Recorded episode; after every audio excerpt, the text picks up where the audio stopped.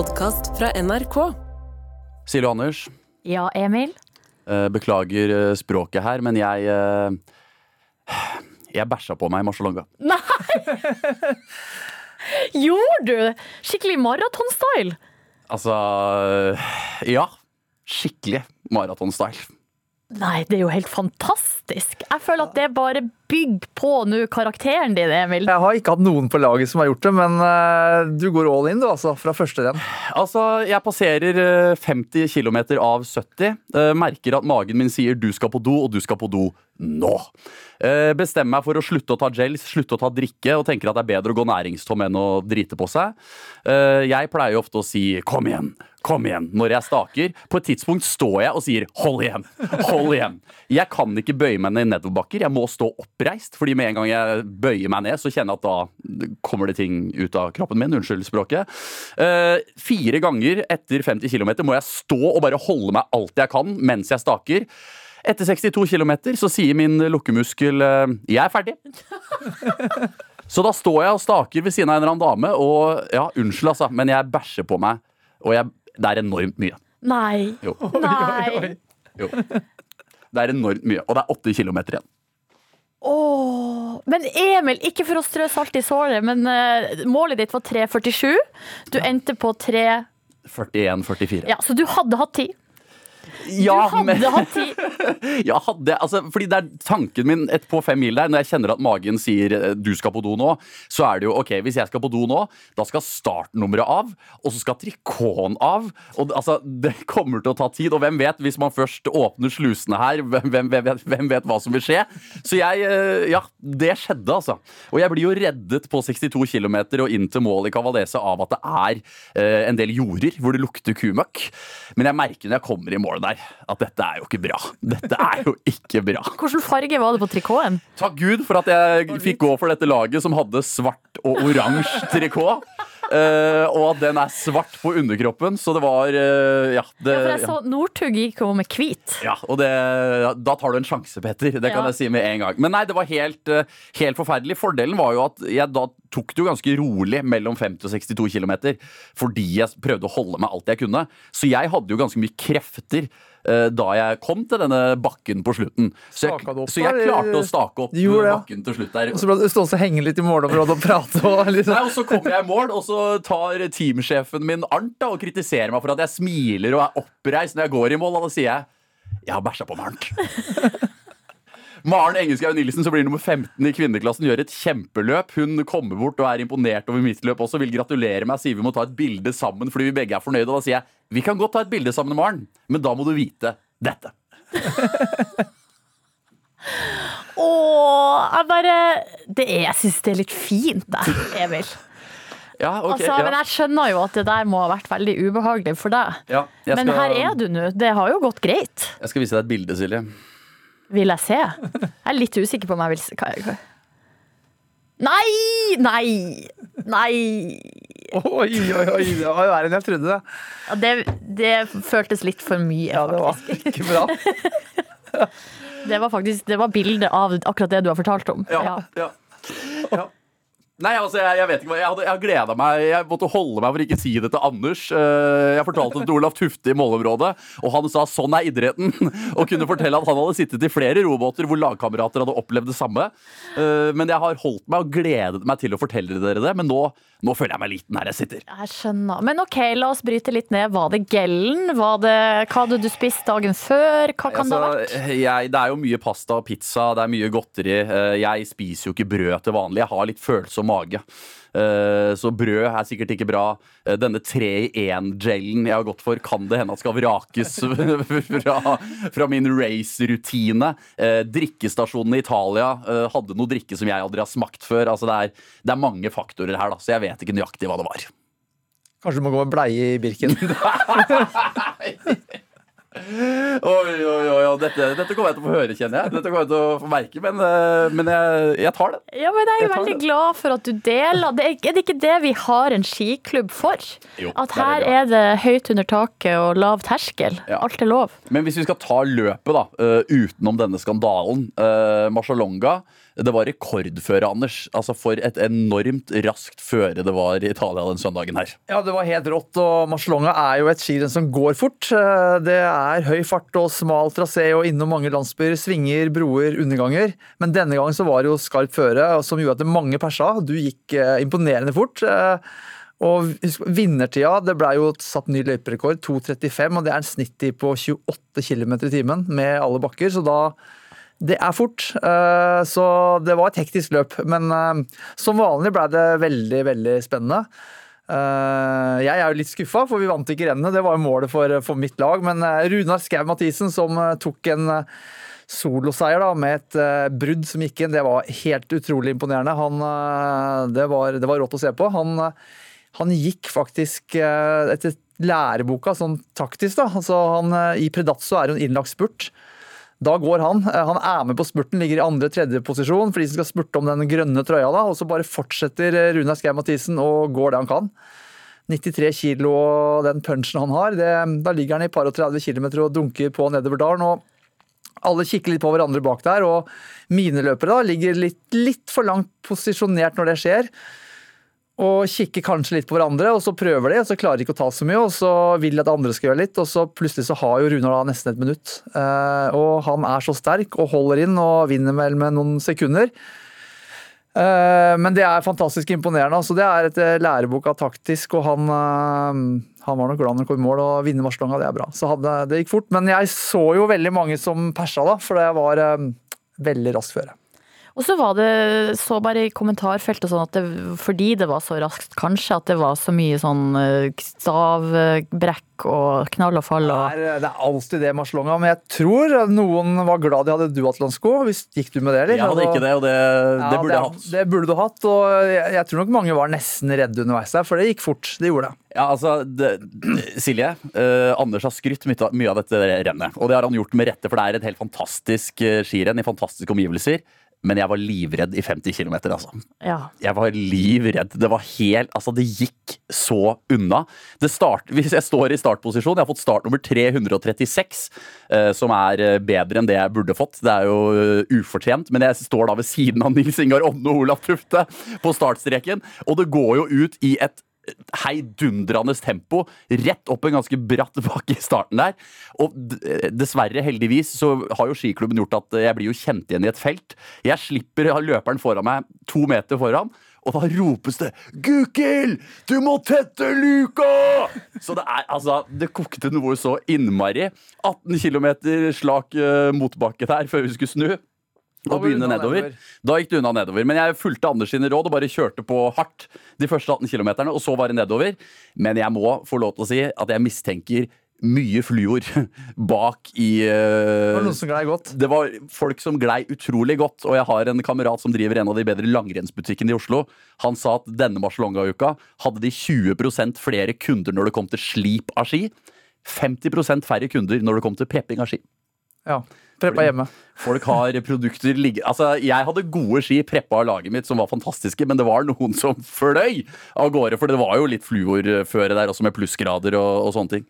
Ja, nå er jo alle de, eh, de laga som er i toppen, eh, de vi har jo fluorkontroller, og der er egentlig alt av det rydda bort. Vi er helt eh, innsatt med nye ting, og men allikevel ble det jo en løperekord. Så, men det er ikke tvil om at det går nok fortere med det. Men eh, jeg tror det er i ferd med å fases ut, men du så kanskje litt bak der. Men blir det, er det ikke alle som eh, blir utsatt for de kontrollene? Nei, det er eliten og foran, men jeg tror og håper at når vi kommer til Vasaloppet, hvor de har litt mer eh, kapasitet, da, så vil det også tas eh, stikkprøver bakover i feltet. Så håpet er jo å spre litt eh, Ja, at man kan eh, også bli testa om man er et stykke bak, da. Det er. Men det gikk eh, utrolig, utrolig raskt. Jeg var i bakken to ganger. Eh, Det var jo is i alle svinger, selv for meg med min startposisjon. Og det er jo, altså, det er jo 90 graders svinger med spor.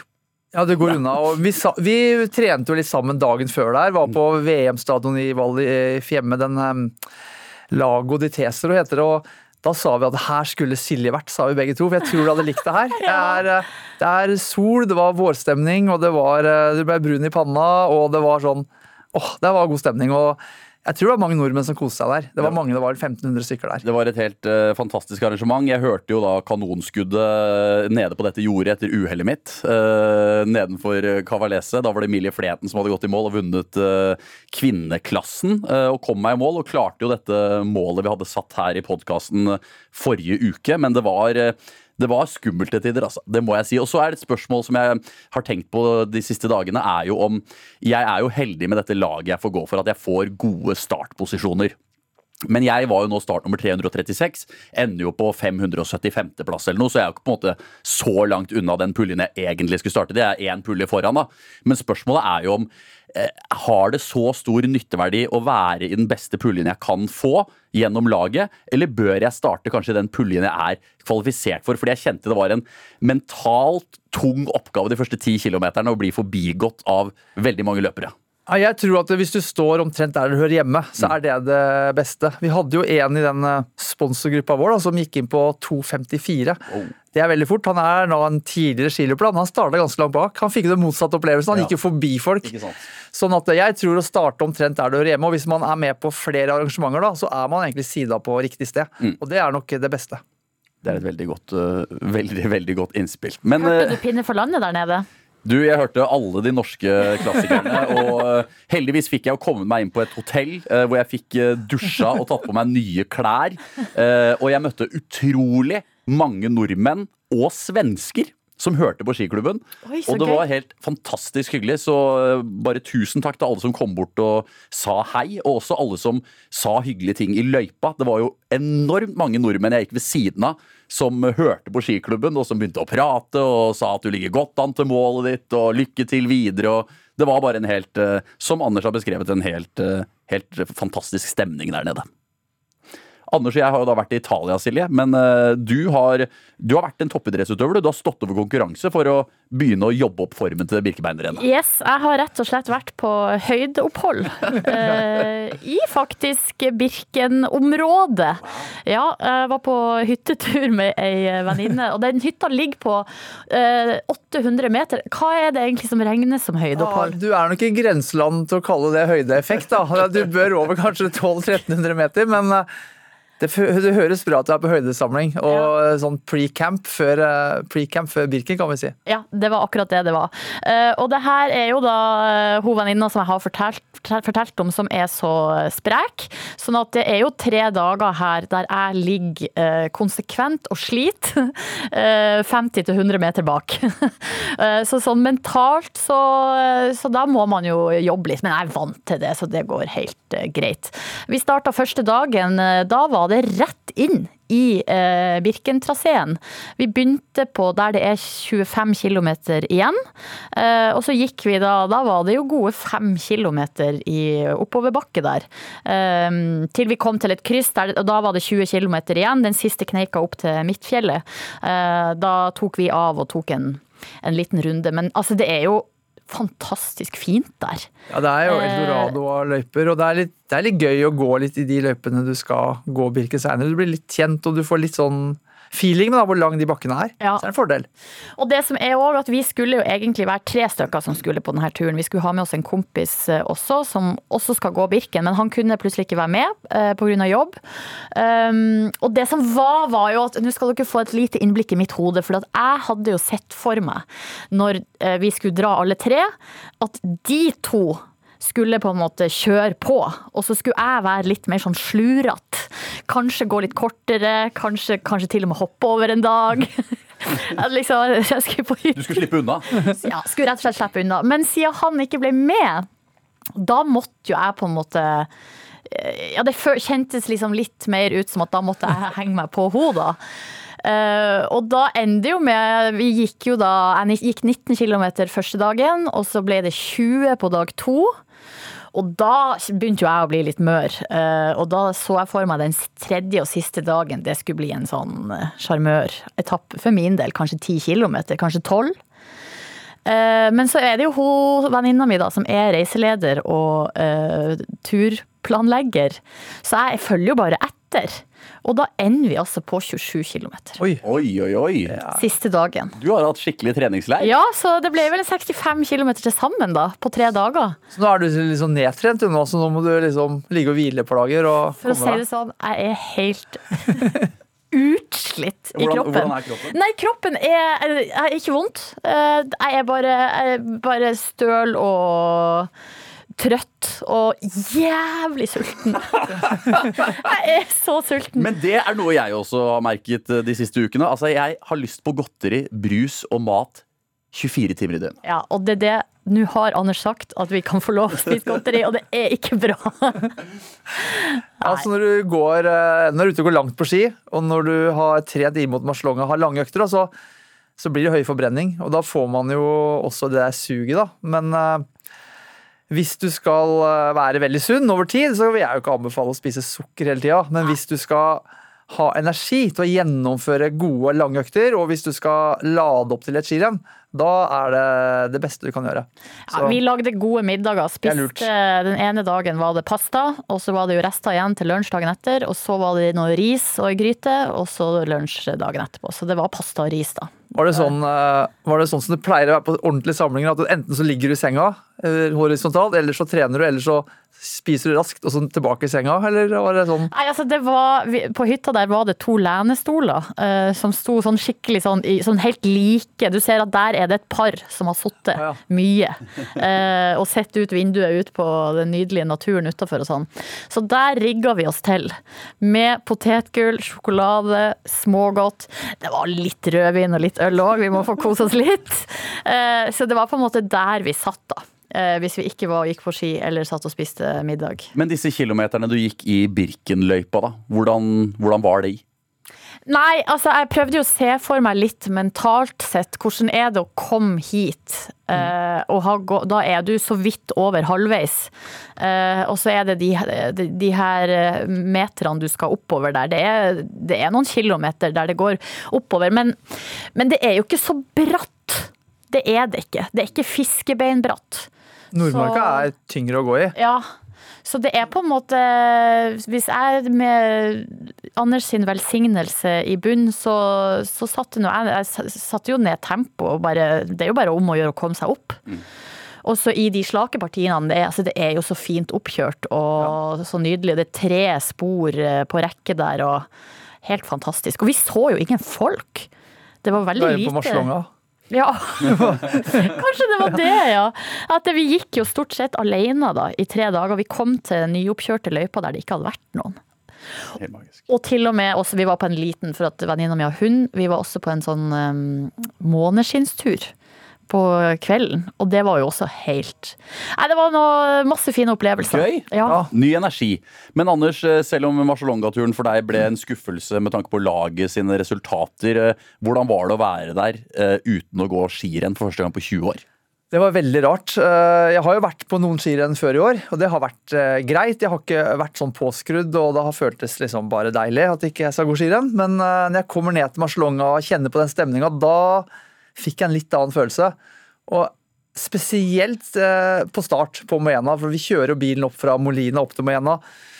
Gutta sitter i bilen, og stemninga er eh, intens. Og så er det mørkt, og så begynner det å, sola kommer opp, det begynner å lysne litt, og så nærmer det seg starten, alle folka går rundt der. og så er det, De har varma opp litt, og så skal de ta det siste overtrekkstøyet. Det er tolv minutter til start, og de løper inn. De er svarte i øya og de er nervøse. Og da kjenner jeg bare at jeg får sånn ut av kroppen-opplevelse, liksom. Jeg bare ser meg liksom sjøl utafra.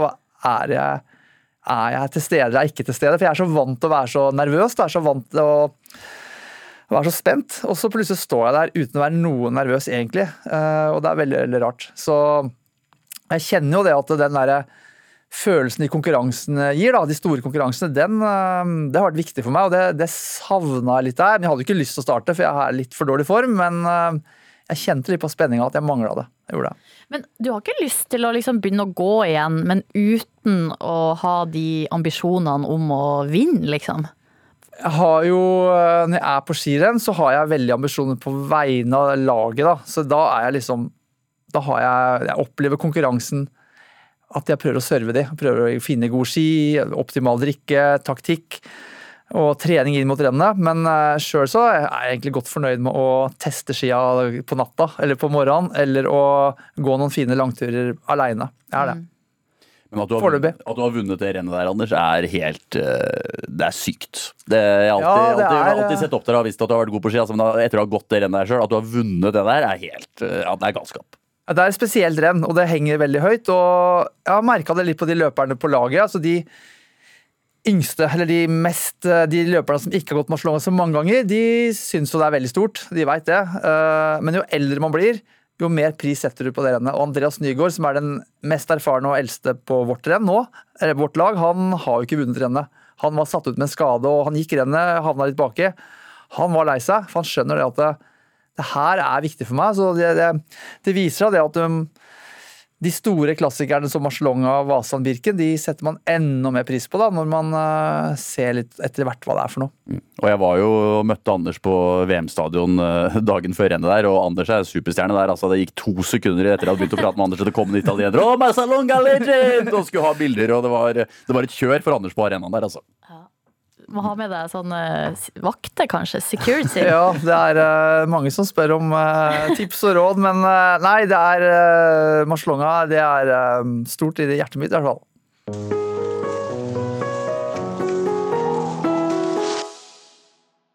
Hei, skiklubben. Ski har aldri vært min greie. Spesielt ikke som barn, da skiturer i helgene med mamma og pappa føltes som tortur. Men nå har jeg fått blod på tann, og har derfor meldt meg på Birken.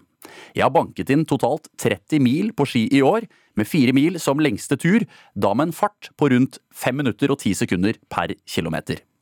Jeg har lyst til å sette et realistisk, men et noe hårete mål når det gjelder Birkebeinerrennet. Dette trenger jeg hjelp med fra Aukland og co. i studio. Hva kan jeg klare å gå på? Hilsen kongen av Lilomarka, Å, hei sann! 30 år gammel mann. Så gøy at han har blitt motivert og blitt mer glad i å gå på ski nå enn som barn. Men uh, 5-10 hadde han gått på det. og Det er litt ulikt, eh, ulikt terreng. Birken er jo mye bakker. Eh, så det å regne ut sånn snittig ut fra hva man trener, kan være litt vanskelig. Og jeg er jo ikke så god med tall, men Emil, du, eh, hva tror du? Hvis du tar og skal gå Birkebeinerrennet på fem timer, da, Ja. da må du holde fart på under 5 minutter og 33 sekunder per kilometer. Det er, da er det et høyt mål, hvis han har vært ute og trent på 5-10.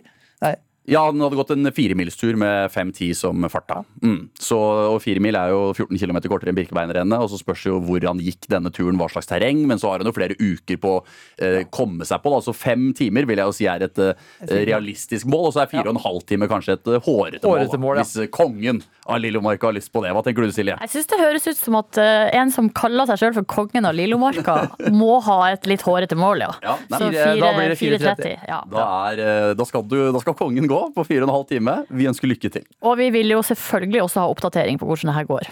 Det må vi få. Så har vi et annet spørsmål fra en som heter Jonas. Scenario. Du går et kjemperenn og leverer på alle områder. Du makser det kroppen og hodet er gode for, men føre og vind gjør at du klokker inn på 3.40 eller 6.40. Da antar jeg at dere ikke vil være fornøyde, fordi målene deres er 3,5 time og 6,5 time i Birkebeinerrennet. Er det ikke dumt å ha tidsmål? Ville det ikke vært lurere med et mål målt mot resten av startfeltet? Hilsen Jonas. Ja, det er gøy det her, da. Vi har akkurat gitt kongen av Lillomarka et veldig spesifikt mål. Men eh, det her er jo et interessant spørsmål, fordi eh, eh, i helga nå når jeg da var i traseen og litt sånn mentalt kunne se for meg litt hvordan det blir, og også bli påminnet hvordan det var da jeg gikk der sist. og det var helt forferdelig, skal jeg fortelle dere. Eh, så begynte jeg liksom, så, så kjenner jeg litt på eh, den der ambivalensen som vi jo har snakka litt om før, at det er veldig motiverende å sette seg et mål, og så syns jeg også det er skikkelig skummelt, det tidsmålet. Og at eh, jeg er jo litt sånn krisescenarioaktig tenker, og at jeg har allerede sett for meg, ja, at jeg ikke skal klare målet, eh, og at det blir fælt. Og det Jonas spør om her er jo selvfølgelig kjempeinteressant. Og eh, de som går og blir topp 200 i Marcialonga, Vasalopp eller Birken, de bryr seg jo ikke om tida si, de bryr seg om plasseringen. Men eh, den enkle forklaringen til Jonas er jo at det blir komplisert med en gang Silje og jeg skal begynne å snakke om eh, så langt foran merket, f.eks. Da jeg satte 3 12 timer som mål, så skulle jeg egentlig være 20 minutter foran merket, i tilfelle det ble dårlig føre, f.eks. Men hvis du, med en gang du sier det i en podkast, da må du begynne å forklare hva merket er hver gang. Og så blir det på en måte litt mer komplisert mål da, enn å bare si 3.30. Take it or leave it, på en måte. Ja, sånn er det jo. Det er jo ingen tvil om at det føre avgjør eh, ganske mange minutter i et langt skirenn. Eh, men likevel så er det greit å ha et sånt mål. Det er et enkelt og tydelig mål, og så tar man det i betraktning hvordan eh, vær og føre spiller inn. For de som var gikk Marcelonga, så tror jeg alle fikk inntrykk av at de var i mye bedre form enn de var før. Kan hende føre hadde litt å si, men, eh, men, sånn er det. Men det er sånn som du sier at de, de 200 første de, de, ser ikke så mye på tida. Jeg har aldri sett på tida, egentlig. Hvis ikke det er en rekord da, som blir satt i Birken eller Vasan, så er det gøy at det blir tatt en rekord, men, men man går for plassering. Men det er greit. Jeg har nå i hvert fall bestilt medvind eh, til den helga, 16. mars. Ja, bare så dere vet det, at det har jeg tatt meg av. Det setter vi veldig pris på. Og så har Jonas uh, mange gode poenger, og så kommer vi til å kunne følge med når uh, to uker før kommer vi til å se en værmelding og vite hva slags snøforhold det er, og litt om hva slags føre det blir. Og da, da kommer vi til å kunne snakke mer om dette. Hei, Skiklubben! Jeg har veldig dårlig tid. Nå har jeg bestemt meg for å delta i Keivassan om fire uker. Det er tre mil og ser flatt ut på høydeprofilen. De siste ukene har jeg trent 10 km klassisk ski og én styrkeøkt i uka. Jeg bruker ca. 1 time og 15 minutter på 1 mil. Hvordan bør jeg trene fremover for å få en god opplevelse på rennet om fire uker? Takknemlig for motiverende og gode råd. Hilsen Eva.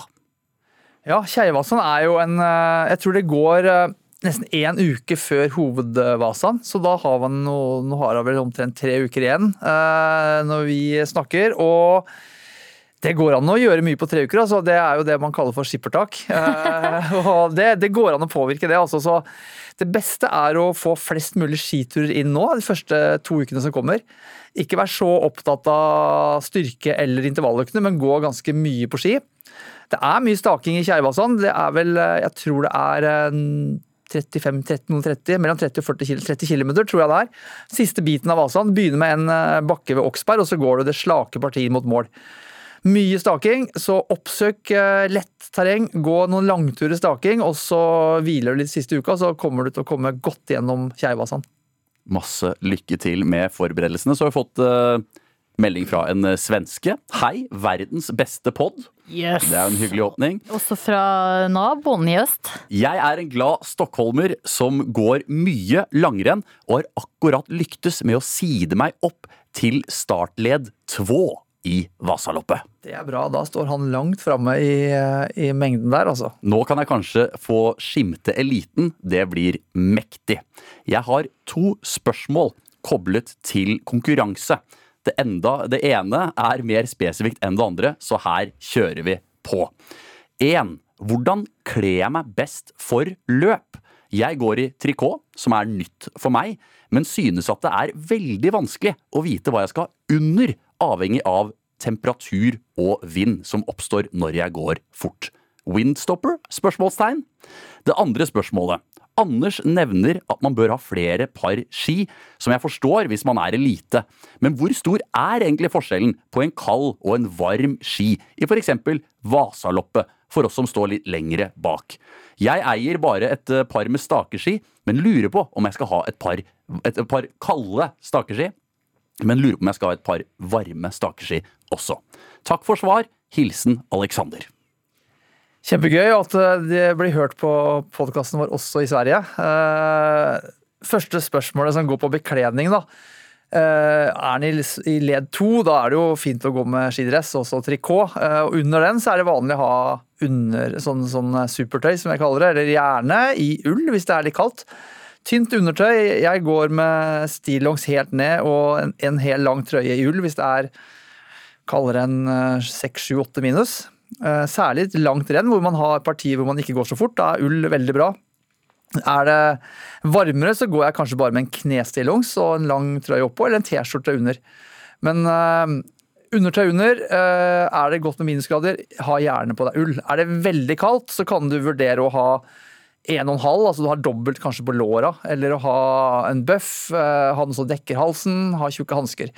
Men under trikoten så er det undertøy, gjerne ull, som er det beste. Men ikke noe over eh, Jeg har aldri gått med noe over. Jeg har heller tatt det under trikoten. Er det kaldt, så legger jeg heller to lag. Og så bør han ha varme stakeski også, eller holder det med et par kalde stakeski? Ja, altså, Han skal tydeligvis stake, og um, et universalt kaldt par er det som nesten alltid går bra i Vasan. Det er jo ofte litt kaldt og trått opp på de myrene. Hvis ikke det kommer ordentlig mildvær, så klarer han seg bra med et eh, kaldt par med en medium til fin struktur. Det kalles universalt og kaldt. Det er det paret som kan brukes i 80% av alle tilfeller. Men blir det plussgrader, er det vått, er det vått i snøen, da er et, eh, et varmt par bedre. Forskjellen på et kaldt og varmt par er at et kaldt par de har litt kortere trykkpunkter mot snøen, så ikke du får de store sugflatene. Og så har det en grovere struktur under seg. Lykke til, Alexander. Hei! Koser meg med å se på Marcialonga på TV. Men jeg ser at drikkeflasker bare blir kastet ut til siden når de er ferdig med å drikke.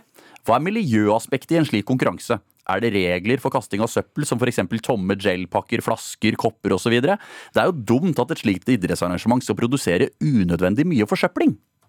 Ja, det er jo sånn at i alle de store arrangementene så er det jo søppelsoner. Det er eh, droppsoner, og det er eh, egne drikkestasjoner, sånne servicestasjoner. Og Det er ikke lov med service utenfor stasjoner, da får du bot. Og hvis du hiver søppel utenfor stasjonene, får du også bot. Og der det er stasjoner, der blir det rydda opp etterpå. Så det er veldig bra ordninger. Og Birken, veldig, Birken og Vasan var veldig tidlig ute med å lage ordninger og regler for det, som gjør at det, det meste av flasker og gels det blir godt rydda opp etterpå. Så er det en annen som har fulgt med på Marcialonga og da inne på min eh, Strava-profil, som gratulerer med gjennomført Marcialonga. Et spørsmål om gjennomføringen. Høy puls, og så faller den nokså fort. Skjønner at det er å holde følge med feltet og ikke miste det. Noe alternativ til kanskje et annet løpsopplegg kjenner meg igjen fra Birken på sykkel og ski.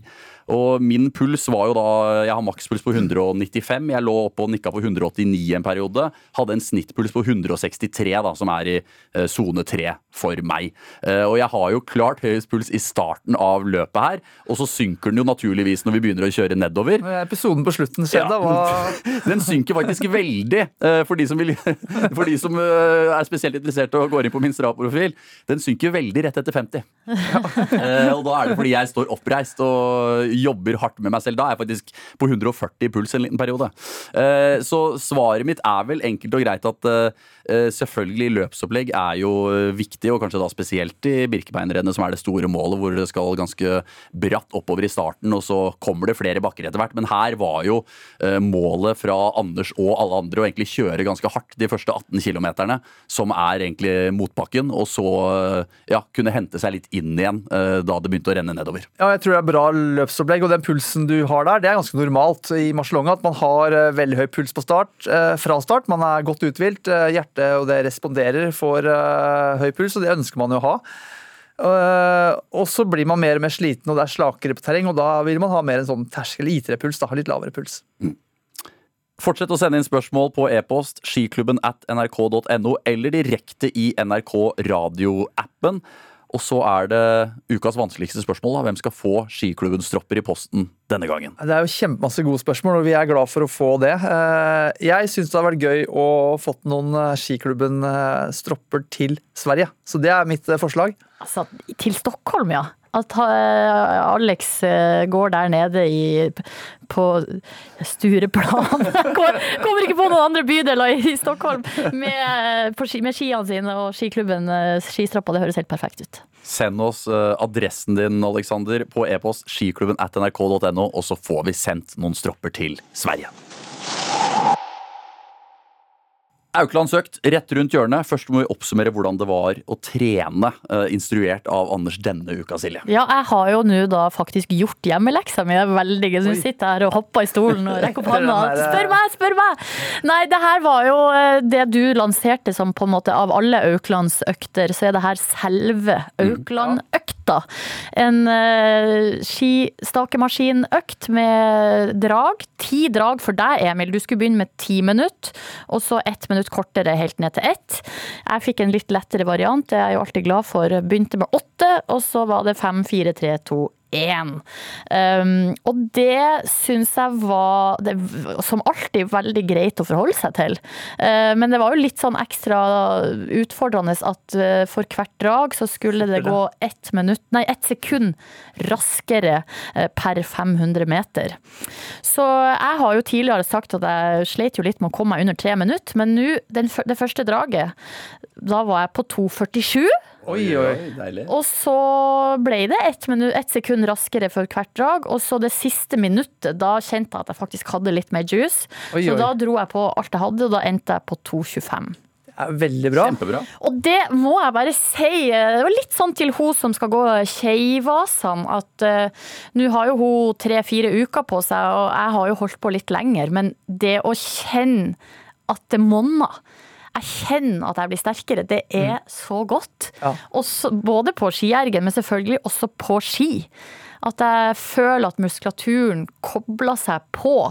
Og på helt får du jo du får svaret, du får tallet foran deg som gjør at oi, jeg har blitt bedre. Men ute så kjenner du det også. Ja.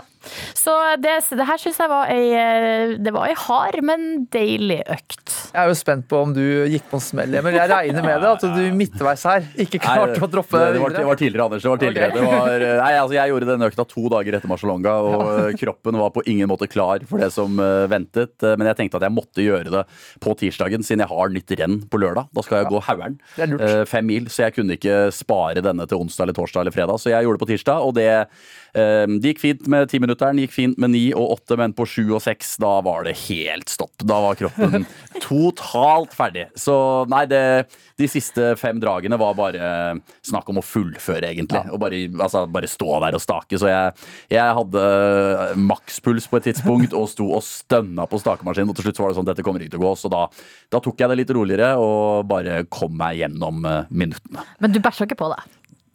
Jeg, jeg hater det. Jeg hater det. Ingen kommentar.